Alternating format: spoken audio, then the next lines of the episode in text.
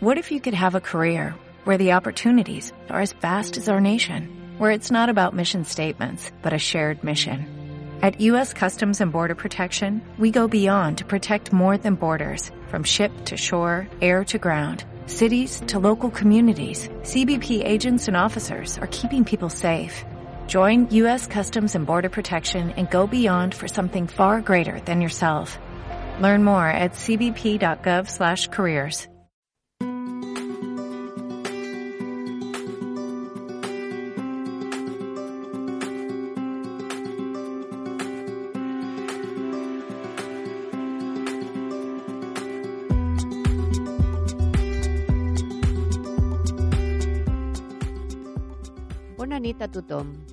Un altre cop, des de Mataró Ràdio, es parla la Carmen Ferrer en el programa Psiquis en la nit. Hoy hablaremos sobre los sueños. Pero antes de continuar, quiero anunciarles que quien desea hacer algún comentario o pregunta sobre los temas que vamos tratando, pueden hacerlo a través del correo electrónico psiquis@matarorradio.cat. En el programa siguiente trataré de dar respuesta a las cuestiones planteadas. Volviendo a nuestro tema de hoy, el fenómeno de soñar ha producido siempre en las personas un abanico de reacciones de todo tipo. Curiosidad, inquietud, temor, rechazo, etc. Porque los sueños son producciones propias de las que no solemos entender nada, ni podemos controlar cuando aparecen ni el contenido que tendrán.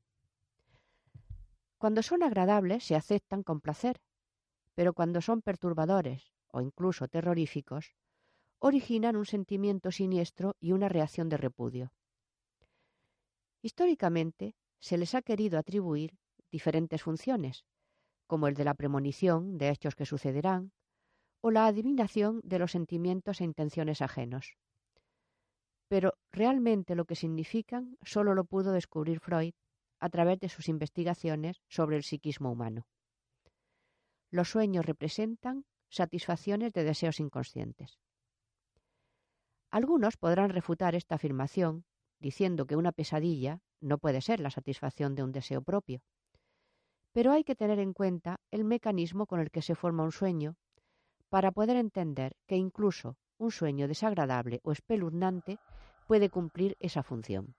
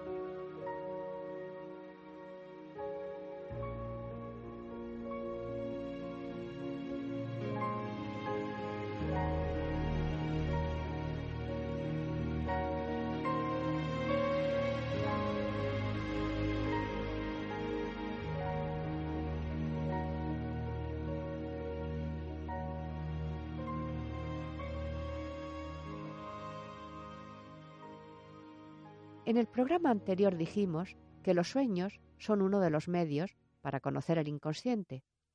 Freud dijo que era la vía regia hacia el inconsciente, por considerarlos el mecanismo que más información podía proporcionarnos sobre esta parte desconocida de nosotros mismos, que guarda las cosas que hemos reprimido. Dicen los pensadores, cuando soñamos, abrimos las ventanas de nuestro inconsciente y se escapan nuestros más profundos pensamientos, sentimientos, angustias o deseos. En el mundo de los sueños podemos ser todo y nada.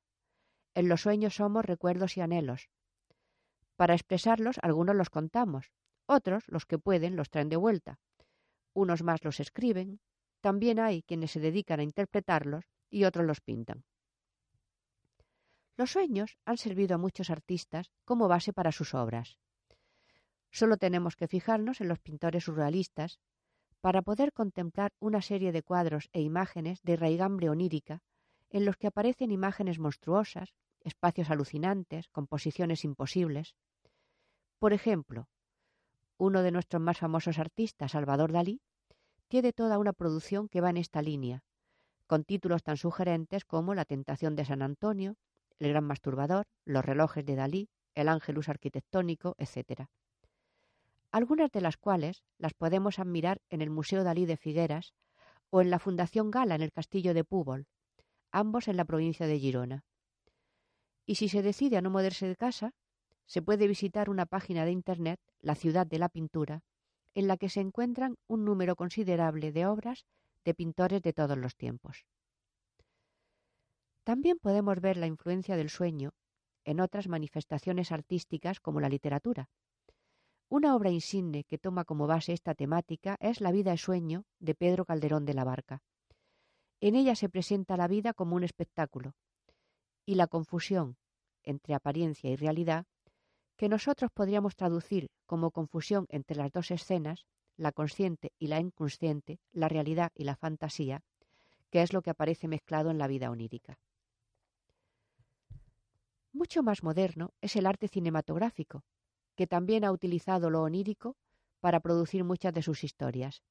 Entre ellas caben destacar las siguientes películas. Origen, Los sueños, el subconsciente y los niveles del sueño, unos personajes bucean en los sueños ajenos para apropiarse de los secretos más profundos de esa persona. Pero en un momento dado la misión se complica y se trata de implantar una idea en el inconsciente de un hombre de forma que cambie su forma de pensar. Otra película es Más allá de los sueños. Los sueños tergiversan nuestra realidad y nos muestran una realidad irreal. Soñamos, no podemos evitarlo, estamos supeditados a ellos. El planteamiento en la película es si es algo irracional. Otra más es Despertando a la vida, que plantea lo inquietante que puede resultar meterse de lleno en el mundo de los sueños. Pero como no se puede controlar, podemos abrirnos a ellos y disfrutar al máximo ese instante eterno. Una más es Abre los ojos. Alguien rechaza el sueño porque en él encuentra una bella realidad que se destruye cuando despierta. Y por último, podemos reseñar los sueños de Akira Kurosawa, que consta de ocho capítulos sobre sus propios sueños. En esta película habla de historias llenas de fuerza, deseo y nostalgia que le intrigan. Estas son solo una pequeña muestra de la amplia colección que existe en la filmografía de todas las épocas.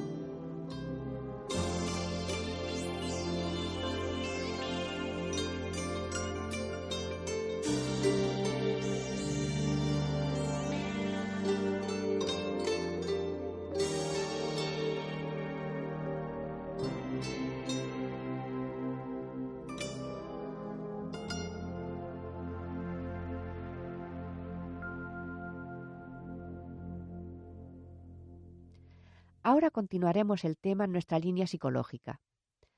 Mientras dormimos, el cuerpo descansa, pero el psiquismo no, o en todo caso lo hace parcialmente, por lo que continúa activo y exigiendo atención y satisfacción a sus demandas. Esa parte psíquica que no descansa es nuestro inconsciente, y las exigencias salen de él, que como ya dijimos, alberga impulsos y deseos que no han podido ser satisfechos, porque han sido rechazados, al no aprobarlo nuestra ética o nuestra moral. Pero como también dijimos, el haberlo rechazado no los elimina, sino que continúan ahí, al acecho, a la espera de poder manifestarse e intentar encontrar alguna forma de satisfacción. Por otro lado, nuestro cuerpo también reclama su descanso y trata de imponer su necesidad, con lo que se organiza un conflicto entre el cuerpo que quiere seguir durmiendo y los requerimientos del inconsciente. Ante este enfrentamiento, el psiquismo encuentra una solución de compromiso, el sueño, que no es más que el intento de satisfacer los deseos reprimidos, pero claro, es una satisfacción de mentirijilla, alucinatoria, o sea que lo parece pero no lo es. Lo que sí consigue quien sueña es continuar durmiendo, que es de lo que se trata.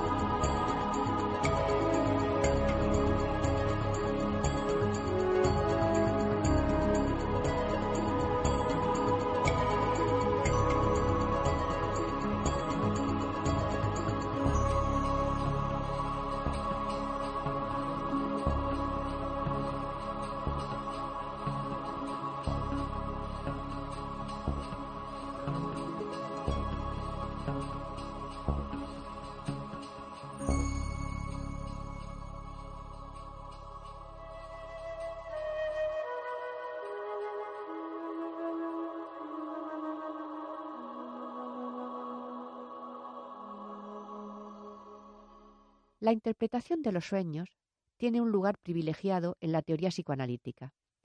Freud dedicó a este tema su obra más importante, La interpretación de los sueños, en la que precisamente se describen los elementos básicos del psicoanálisis.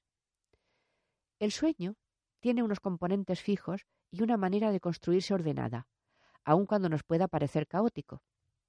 Veamos primero los componentes. Las ideas que representan los deseos que quieren satisfacerse, contenido latente, los deseos son representados por imágenes. El segundo componente son las vivencias pertenecientes a la vida de vigilia, con la que se conectan las ideas anteriores. A esto se les llama restos diurnos. El tercer componente es la resistencia que el yo opone a estas ideas para que accedan a la conciencia. Se le llama censura. Y por último, tenemos el argumento del sueño, la historia que recordamos al despertar, que es el contenido manifiesto. Vamos ahora a ver con estos elementos cómo se construye un sueño. Mientras la persona duerme, los pensamientos e ideas, que siempre están activos, se conectan con las actividades y preocupaciones de su vida despierta y toman fuerza suficiente para hacerse presentes a través de las percepciones que nunca duermen totalmente. Un ejemplo de que estas percepciones no descansan es que aunque durmamos podemos despertarnos por un ruido, que es un estímulo externo, o nos puede despertar una preocupación, que sería un estímulo interno. Estos pensamientos y sensaciones reactivan impulsos, deseos y fantasías infantiles, que durante el día tienen negado su acceso a la conciencia, debido a la represión que los hizo inconscientes. Como son muy fuertes y amenazan despertar al durmiente, tienden a hacerlo los estímulos corporales. El aparato psíquico activa el trabajo del sueño con la intención de lograr una satisfacción parcial mediante la fantasía que constituye el contenido manifiesto, y mientras la persona puede continuar durmiendo. Algunos de estos deseos son más inocuos o neutrales y otros más prohibidos y fuertes. Cuanto más prohibido es un deseo, más angustioso se volverá el sueño ya que algo de esa prohibición llegamos a captar, y entonces el sueño se hace más inquietante. Por eso antes decíamos que también las pesadillas son satisfacciones de deseos, de los deseos más prohibidos y censurados. En otras palabras, en un sueño se alcanza una cierta gratificación parcial o sustituta de un deseo inconsciente a través de la fantasía, ya que la gratificación total de ese deseo sería la acción apropiada, pero esta está imposibilitada precisamente porque estamos durmiendo. A pesar de eso, las imágenes del sueño no son representaciones textuales de los deseos, sino deformaciones muy complicadas que se realizan mediante algunos sistemas, como condensar varias situaciones en una sola, o que un personaje esté representado por varios, que serían diferentes aspectos de la persona, o bien presentar un elemento importante como insignificante, o también desplazar un lugar a otro distinto, una época a otra, o una persona representada por otra. Lo que sucede es que el contenido latente del sueño, el auténtico, es censurado por las operaciones defensivas del yo, por lo que la única manera que encuentra para expresarse es deformar esos pensamientos oníricos con el fin de engañar al censor onírico, o sea, al vigilante que no quiere que esos deseos se expresen ni se satisfagan. Para este propósito emplea imágenes inocuas de la vida diurna, a las cuales transfiere las auténticas, las que están prohibidas. En la última fase del sueño hay una elaboración final mediante la cual el yo intenta dar al sueño manifiesto una apariencia lógica y coherente. Y si bien es cierto que las defensas del yo no logran que el deseo sea totalmente reprimido, también es verdad que gracias al trabajo del sueño, dicho deseo no aparece tal cual, sino disfrazado. Por eso el sueño manifiesto puede considerarse una formación de compromiso, ya que consigue resolver la oposición que hay entre el inconsciente y el yo. El yo consciente me estoy refiriendo. Ahora bien, el trabajo interpretativo del sueño, realizado en una terapia psicoanalítica, consiste precisamente en hacer el recorrido inverso al de la formación del sueño, yendo a través de las asociaciones libres, o sea, de hablar con lo primero que se le ocurra a uno, desde el contenido manifiesto hasta los pensamientos oníricos originales del contenido latente. Vamos a ver un ejemplo de sueño. Un hombre viaja en un tren y encuentra a una mujer con la que habla. Esta mujer va peinada de una forma antigua. El diálogo es intrascendente. La mujer se baja en una estación anterior a la del hombre, que se queda con una sensación de desconcierto y extrañeza. Vamos a analizarlo. El contenido manifiesto es esta historia, la que acabo de relatar, lo que se recuerda. El resto diurno es el viaje en tren, ya que esa persona se desplaza a su trabajo en tren cada día, en la realidad. En la elaboración del sueño han sucedido los siguientes cambios. Quien sueña es una mujer que se ha cambiado por un hombre, y el partener es una mujer que en la realidad sería un hombre. El diálogo es intrascendente, cuando lo que hay en realidad es un deseo de intimar con el otro, o sea, de un diálogo que es importante. El protagonista se queda en el tren mientras la mujer baja de él, aunque el deseo es el de ir juntos. La sensación de extrañeza encubre el fuerte y concreto deseo de esa relación. El contenido latente es el deseo de hacer un cambio en la vida de la persona que sueña y entablar una relación con alguien relacionado con el pasado que está representado por el peinado antiguo.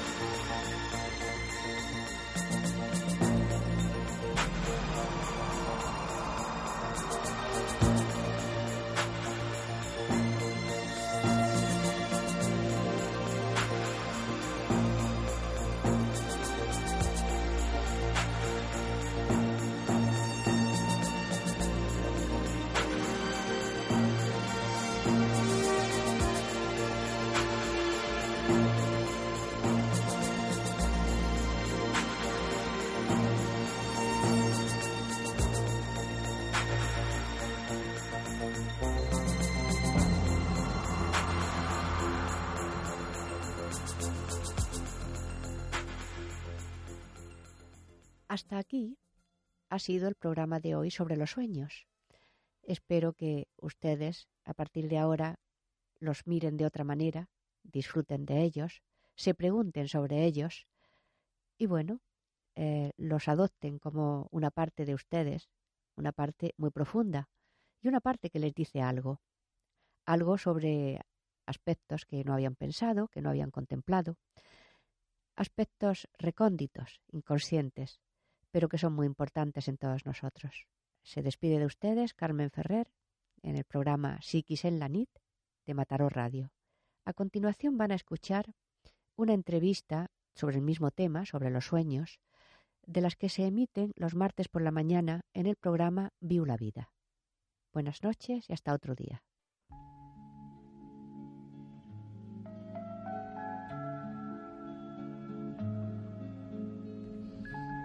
Encarem ja la recta final del nostre programa i ho fem amb la Carme Ferrer, la psicòloga que sempre ens visita doncs, dos, di dos dimarts al mes. Carme, molt bon dia. Bon dia, Anna. La Carme, ja ho saben tots vostès, és psicòloga clínica i psicoanalista i té un mail d'informació doncs, per si li volen fer preguntes, també té un telèfon. El telèfon és el 619 31 22 42 i el mail és info arroba tu psicoterapeuta.com. Així com també, doncs, si volen més informació d'ella, de les activitats que fa, de tot el que l'envolta, també es poden dirigir al www.tupsicoterapeuta.com. I aquí doncs tenim tota la informació relacionada amb tu mateixa, Carme. Sí, efectivament. Efectivament.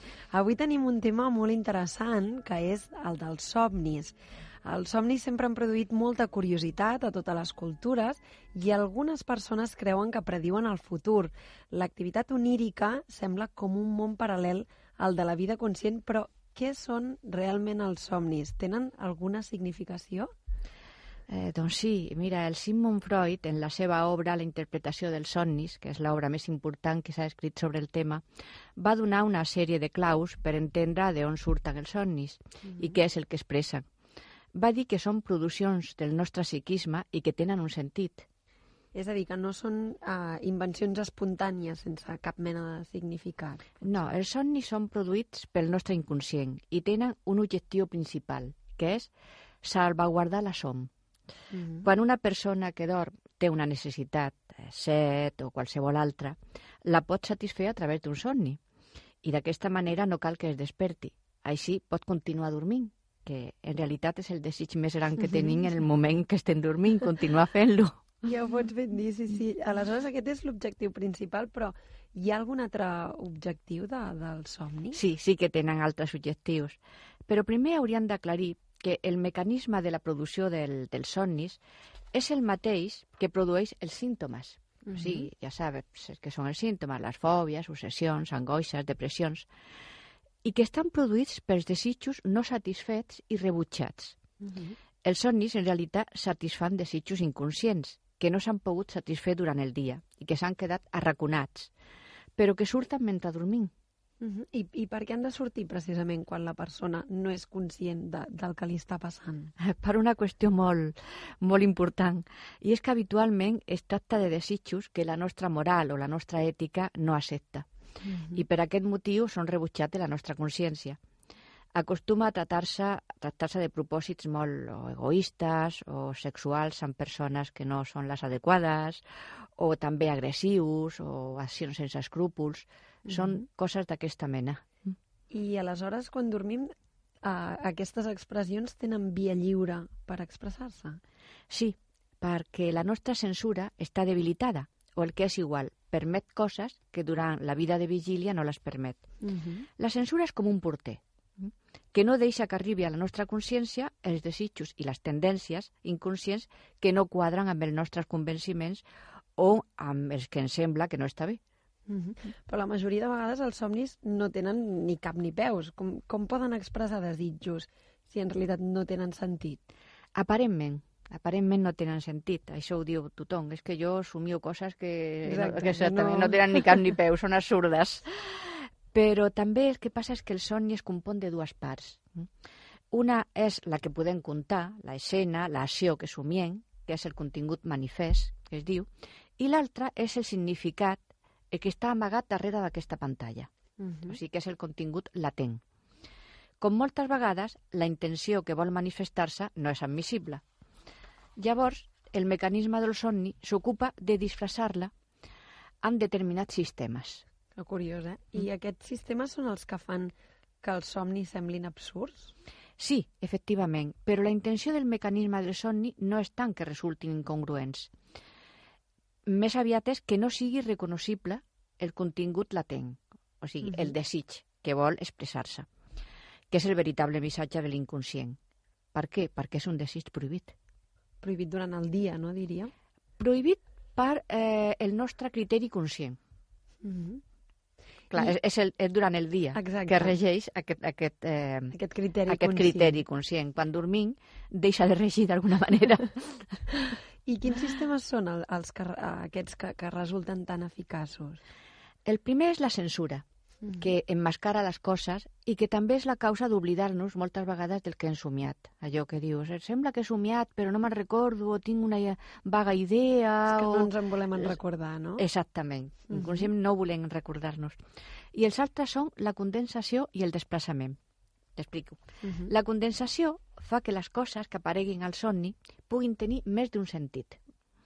Com diu el mateix terme, condensa. Condensa en una paraula, una persona, un nom o una acció diferents idees. Per exemple, somiem amb una persona no, que es diu Lluís Miquel. Mhm. Doncs pot ser que el Lluís estigui representant a una persona, el Miquel estigui representant a una altra i el Lluís Miquel a una altra, a una tercera. Mhm. Però llavors està condensada en el nom d'aquesta persona. I per això no ho acabem d'entendre, llavors, Exacte, clar, clar, perquè hem de, hem de, eh, no? Processar Pro- molt més, no? hem d'interpretar amb l'ajuda d'una persona, d'una altra persona, eh, interpretar exactament eh, en tots els elements del somni no? i en les coses que es van associant, no? perquè hi ha una associació que és la que li anirà donant sentit. Mhm. I llavors sí que eh, al final es treu el, el significat del somni. Clar, però sí, la condensació llavors fa que desxifrar aquest somni sigui molt difícil, no? Sí, per això et dic que és, cal la, la col·laboració d'una persona, a més a més d'una persona que sàpiga interpretar somnis. I llavors, amb l'ajuda d'aquesta persona i en les associacions que fa la persona que ha somiat, sí que es pot saber quin és el significat real, veritable, del somni. I després hi ha el desplaçament, que és una altra, una altra eh, cosa que fa eh, que treu intensitat als elements més importants i es substitueix per altres menys significatius. I gràcies a aquest mecanisme, el desig que expressa el somni es presenta molt deformat. Mhm. No? O sigui, podem, no sé, podem somiar eh, una persona que voldria anar-se'n de casa. Mhm. Llavors, en lloc de somiar una cosa tan traumàtica, diguem, un abandonament de la casa, doncs llavors, llavors pot somiar que ha perdut la cartera Mhm. o que ha perdut un, no sé, un bitllet de 50 euros. Que curiós. I Sí. això seria l'associació, el desplaçament, No? El no? desplaçament de que realment vol perdre tota la casa. Directament. Directament. Mhm. Doncs abans de continuar tenim una trucada. Molt bon dia. Mira, bon dia. Bon dia. Avui aquest tema a mi és que és el tema, bueno, per mi importantíssim, eh? I aquesta senyora ho està explicant molt bé, però jo dic que jo crec en els somnis premonitoris. Jo a mi, eh, des de petita, petita, petita, que jo deia en els meus pares, mira, passarà això i allò, perquè he somiat això i allò. I deien, eh, i allò que deia jo era, i de tot, jo de petita, petita.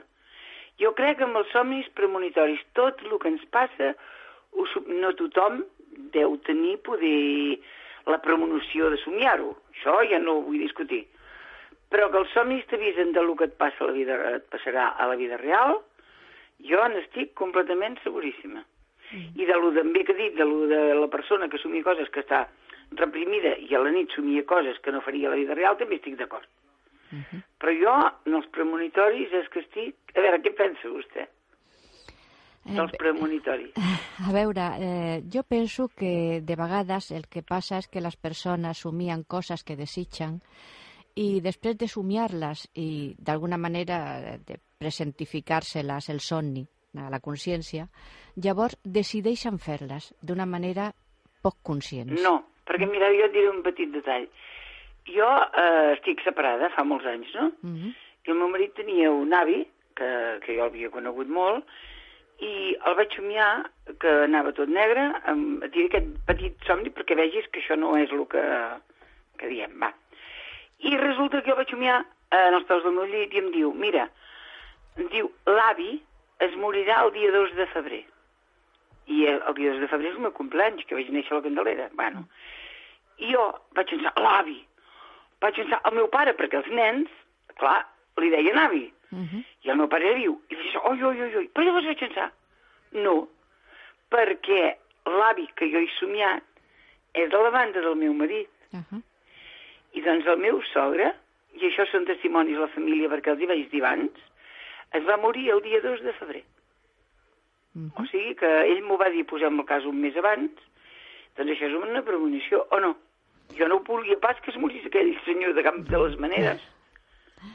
Clar, llavors dius, i com així te'n podria explicar 50.000 de mi i d'altres persones que m'han consultat, que m'han dit, mira, Mercè, som això... I passa, diu que no ho diem perquè, és clar, si ho dius la gent, doncs pensa que estàs mitjonat. Però jo dic que n'hi han que són completament premonitoris. És la meva opinió. I ara sí que dic, mira, li vaig a preguntar, perquè eh, jo veig que, que vostè en sap molt, però que n'hi han de premonitoris i perquè la Bíblia també en parla dels premonitoris, eh?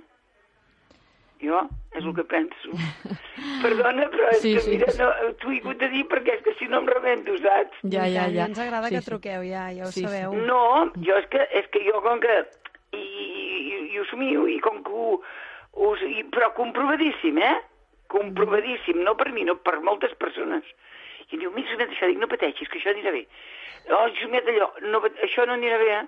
I no, no falla, eh? No falla, perquè són premonitoris. Jo sí, valia dir, poder és una cosa que a mi, que la tinc més accentuada, Uh -huh. ja no dic privilegiada perquè jo no m'hi considero cap, però hi ha persona que podeu ter més accentuat i ho sap interpretar més bé, dic jo. Bueno, només ara dius això i va, continua, perquè jo ara aquí estic acaparant una cosa que... No, Va. Mercè, ja ens agrada que truqueu, ja no, però mira, jo ho dic perquè com que és el que jo eh, he viscut, I Sí, tant. sí. i molta gent, eh, no jo, Mhm. moltes amistats que jo tinc, a vegades m'ho truquen i em diuen, Mercè, he somiat això, què? Dic, doncs mira, això fes, això fes, i els hi dic. Però és una cosa d'intuïció de petita, ja et dic, de sempre. Per això dic que n'hi han de premonitoris. Clar, però el que passa és que quan una persona a vostè li diu que ha somiat tal i vostè li diu doncs fes això, això, això, ja, ja li està donant la pauta del que ha de fer No, em diu, mira, tinc això entre mans i jo no sé com em sortirà. Uh -huh. I em diu, he somiat això. Dic, doncs estigues tranquil·la que te'n sortiràs. O si em dic, o li dic, això, no et preocupis que això no te'n surts. I no falla. Bueno. a mi, jo, jo he de saber el, el... Primer dic, bueno, a veure, tu ara què estàs passant en aquest moment? A veure, i llavors dic, i he somiat això? Sí, doncs mira, això anirà bé. O això, em pots estar segura que no. Sí, I, I però- allò no falla, eh? Clar, però el que passa és que d'alguna manera quan a una persona li diuen això no et sortirà, la persona ja fa les coses perquè no, no, perquè surtin. posa que són coses que posem bastant al jutjat ja, perquè Mhm. m'entenguis, que allò no, ella no pot influir. Sigui, posem un, una cosa jurídica, no?, que està al jutjat, posem, Mhm. i diu, mira, he somiat això i tal dia donaran el resultat. Doncs pues no pateixis, que això anirà bé. I si, Mercè, sí, o mm, això, em sembla que ho tens una mica difícil, no falla. O Tots són, tots Bueno, són experiències, Sí, sí, Mercè. són jo experiències, sí. la meva, I i- de vegades no hi ha, no hi ha una explicació. I no, Mira, no, jo no, jo coses. crec que, jo crec que, que, ens, que hi ha una cosa sobrenatural que ens avisa i és la meva opinió. I està, és això, eh? Doncs, Mercè, ja no gràcies per trucar. perquè us fot de la tabarra. No, home, no. vale. Moltes gràcies per trucar vale, i per dir la m'agrada teva molt que em parla opinió. sempre que, que l'escolto cada vegada que surt aquesta senyora, m'agrada molt, eh? Moltes gràcies. Vale, adéu-siau. Una abraçada, adéu, adéu. bon dia. I, Carme, doncs bé, després d'això de, de, de la trucada de la Mercè, eh, parlàvem una mica de les coses que intervenen en quan es forma un somni. A banda de la condensació, el desplaçament que ens explicaves, hi ha més coses que intervinguin en, en la formació del somni? Eh, hem dit que el motor del somni és un desig inconscient insatisfet, però Mhm. perquè es formi un somni ha d'existir una idea o preocupació que pertany a la realitat i que s'enllaça d'alguna manera amb aquest desig. Aquesta part de la realitat, que es diu un resta diur, és el detonant que dispara la formació del somni. Podríem dir que aquesta seria com el combustible i el desig seria com la màquina, Ja tindríem el, els dos elements. els dos elements. Algunes persones, per això, Carme, pensen que somiar no és bo. Què hi ha de veritat i, i què hi ha de mentida en, en aquesta creença? Doncs exactament és al contrari. Les Mhm. persones que no somien tenen més risc de desenvolupar símptomes que les que somien més. Uh -huh. perquè ja hem dit que el mecanisme dels dos efectes, el somni i el, el símptoma, és el mateix.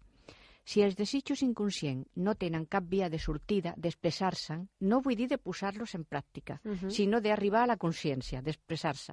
El teu cap els deixi anar, no? Exactament, manera. sí, que d'alguna manera Mhm. prengui consciència de que hi ha això. Uh -huh. Si aquests desitjos no tenen cap via de sortida, poden acabar expressant-se, no? d'amagadets, diguem, no? a través de patiments físics o fins i tot físics, físics o Mhm. psíquics. Uh O sigui, de símptomes ja sigui doncs, depressions, fòbies, coses d'aquestes, o fins i tot poden ser somatitzacions a, Mhm. al cos. El mateix cos ja absorbeix mm, l'angoixa, no? Diríem, Eh, eh, és potser, de- l'expressa, Ahà. l'expressa sense passar pel cap, diguem, no? És millor sempre que eh, aquestes coses s'expressin a través de símptomes psíquics, Mhm. sempre, perquè són més manejables, són, eh, es poden tramitar d'una altra manera. Quan hi ha una malaltia o una disfuncionalitat al cos, és, és més, més difícil, diguem, Mhm. no? i ja entra, clar, per una altra via. Clar. Per això és molt important de conèixer el nostre inconscient i saber quins desitjos n'hi ha a ell i poder-los tramitar de la millor manera que trobem. Mhm. És a dir, que somiar és bo. Somiar és una bo. mica al, al Encara que final, siguin somnis de vegades eh, poc agradables. No? Mhm. Hi ha un malson, bueno, Mhm. perquè es- estàs pensant alguna cosa que és a dins de nosaltres. I això, quan tenim... Perquè, clar, el somni sempre queda molt bonic, però quan tenim malsons, Mm -hmm. eh, que estem expressant, doncs, potser pors irracionals que portem dintre, etc, que les estem com traient de, del nostre subconscient, eh, com ho gestionem, això? És a dir, com, com podem fer que, que no en tinguem tants? Perquè hi ha gent que ho passa realment malament amb els malsons. Com podem calmar-nos o com... A veure, la qüestió és què fem amb aquests somnis, Mhm. més que allò de tallar-los o no tallar-los, sinó què fem amb ells. La qüestió és pensar, pensar els Mhm. elements del somni i mirar a veure si hi ha alguna cosa a dins de la nostra vida, del, de la nostra vida en general, no? que es pugui connectar no? amb les coses que hem somiat, o amb el, tot el somni o amb, amb els diferents elements d'aquest somni. Uh -huh. I llavors anar fent un, una, un treball, diguem, una feina, de connectar la nostra vida conscient amb això que surt de l'inconscient. Perquè tot és a dins de nosaltres, tant una cosa com l'altra, Mhm. i tots són nosaltres. S'ha de trobar per això, no? Exactament, s'ha de trobar. I, bueno, clar, si és una cosa molt repetitiva i, i molt greu, molt, molt, que fa patir molt a la persona, bueno, potser que hauria de fer una consulta a veure què passa amb això, Uh -huh. perquè algú l'ajudi també no? a, A desxifrar, a desxifrar aquests somnis. I els somnis que simplement són repetitius, encara que no siguin dolents, eh, què, què denoten? Que no solucionem Sí, que no se soluciona, no se soluciona el tema i que és un tema, a més a més, central, important, que està com Mhm. molt arrelat ahí. Hi ha molta gent també que no, diu que no se'n recorda dels somnis o que no, que no somien, Mhm. no? Això és possible, que, que no s'assumi o simplement No, és que somien, no... somien tots, Mhm. somien tots. El que passa és que està la censura, aquesta que hem dit, que de vegades fa que no ens recordem ni de què hem somiat, hm? o de què hem somiat però no sabem què. No? La censura és com una tisora hm? que talla, talla també la memòria, diguem, del somni. Mhm. Però somien tots. Somiem tots. Que curiós, eh? Perquè hi ha sobretot molta gent gran que diu Mm. que no, que no somia, que... Potser els nens tenen un, un son, uh, no sé, més, més esbojarrat, no? A vegades potser... O potser no tenen tanta por a explicar tant els somnis, o... Uh, has tingut alguna experiència amb nens que... Sí, sí, sí, naturalment. Els nens el que passa és que com que estan menys format que les persones adultes, doncs tot el seu funcionament inconscient eh, està com més patent, més, Mhm. més, més a prop de la consciència. I llavors per això somien més, eh, somien coses més esbojarrades, com Ahà. tu dius, o simplement desitjos eh, directes, Uh -huh. desitjos tal qual. No? El, el Freud, en aquest llibre, la, la interpretació del somni, donava un exemple de somni príncep de eh, mm, satisfacció de desig. Una nena que l'havien prohibit durant el dia que mengés eh, cireres i a la nit somia que té una cistella amb 10 quilos de cireres i la menja tota. o sigui, és un desig que està claríssim, no?, que què vol dir, no? La cosa que l'havien prohibit, doncs a la nit la satisfà d'una manera, a més a més, bueno, a més no poder. És a dir, que potser seria més simple, no? Al cap Sí, dels nens Sí, normalment, més... clar, normalment el somni d'un nen és molt més simple, molt més directe. Uh -huh. De vegades també poden tenir pesadilles i Mhm. malsons, perquè el nen també té desitjos que sap d'alguna manera que no són, eh, no són tolerats. tolerats pels pares. Uh -huh. És a dir, que tots tenim realitat Mm. lligat al subconscient. És tot un món, eh? És tot un món. El món oníric és tot un món, sí. tot un món que a més costa de xifrar i moltes vegades costa una mica de situar-nos-hi, no? Sí, però que de vegades expressa eh, les veritables vivències Uh -huh. mm, eh, afectives i instintives de la persona.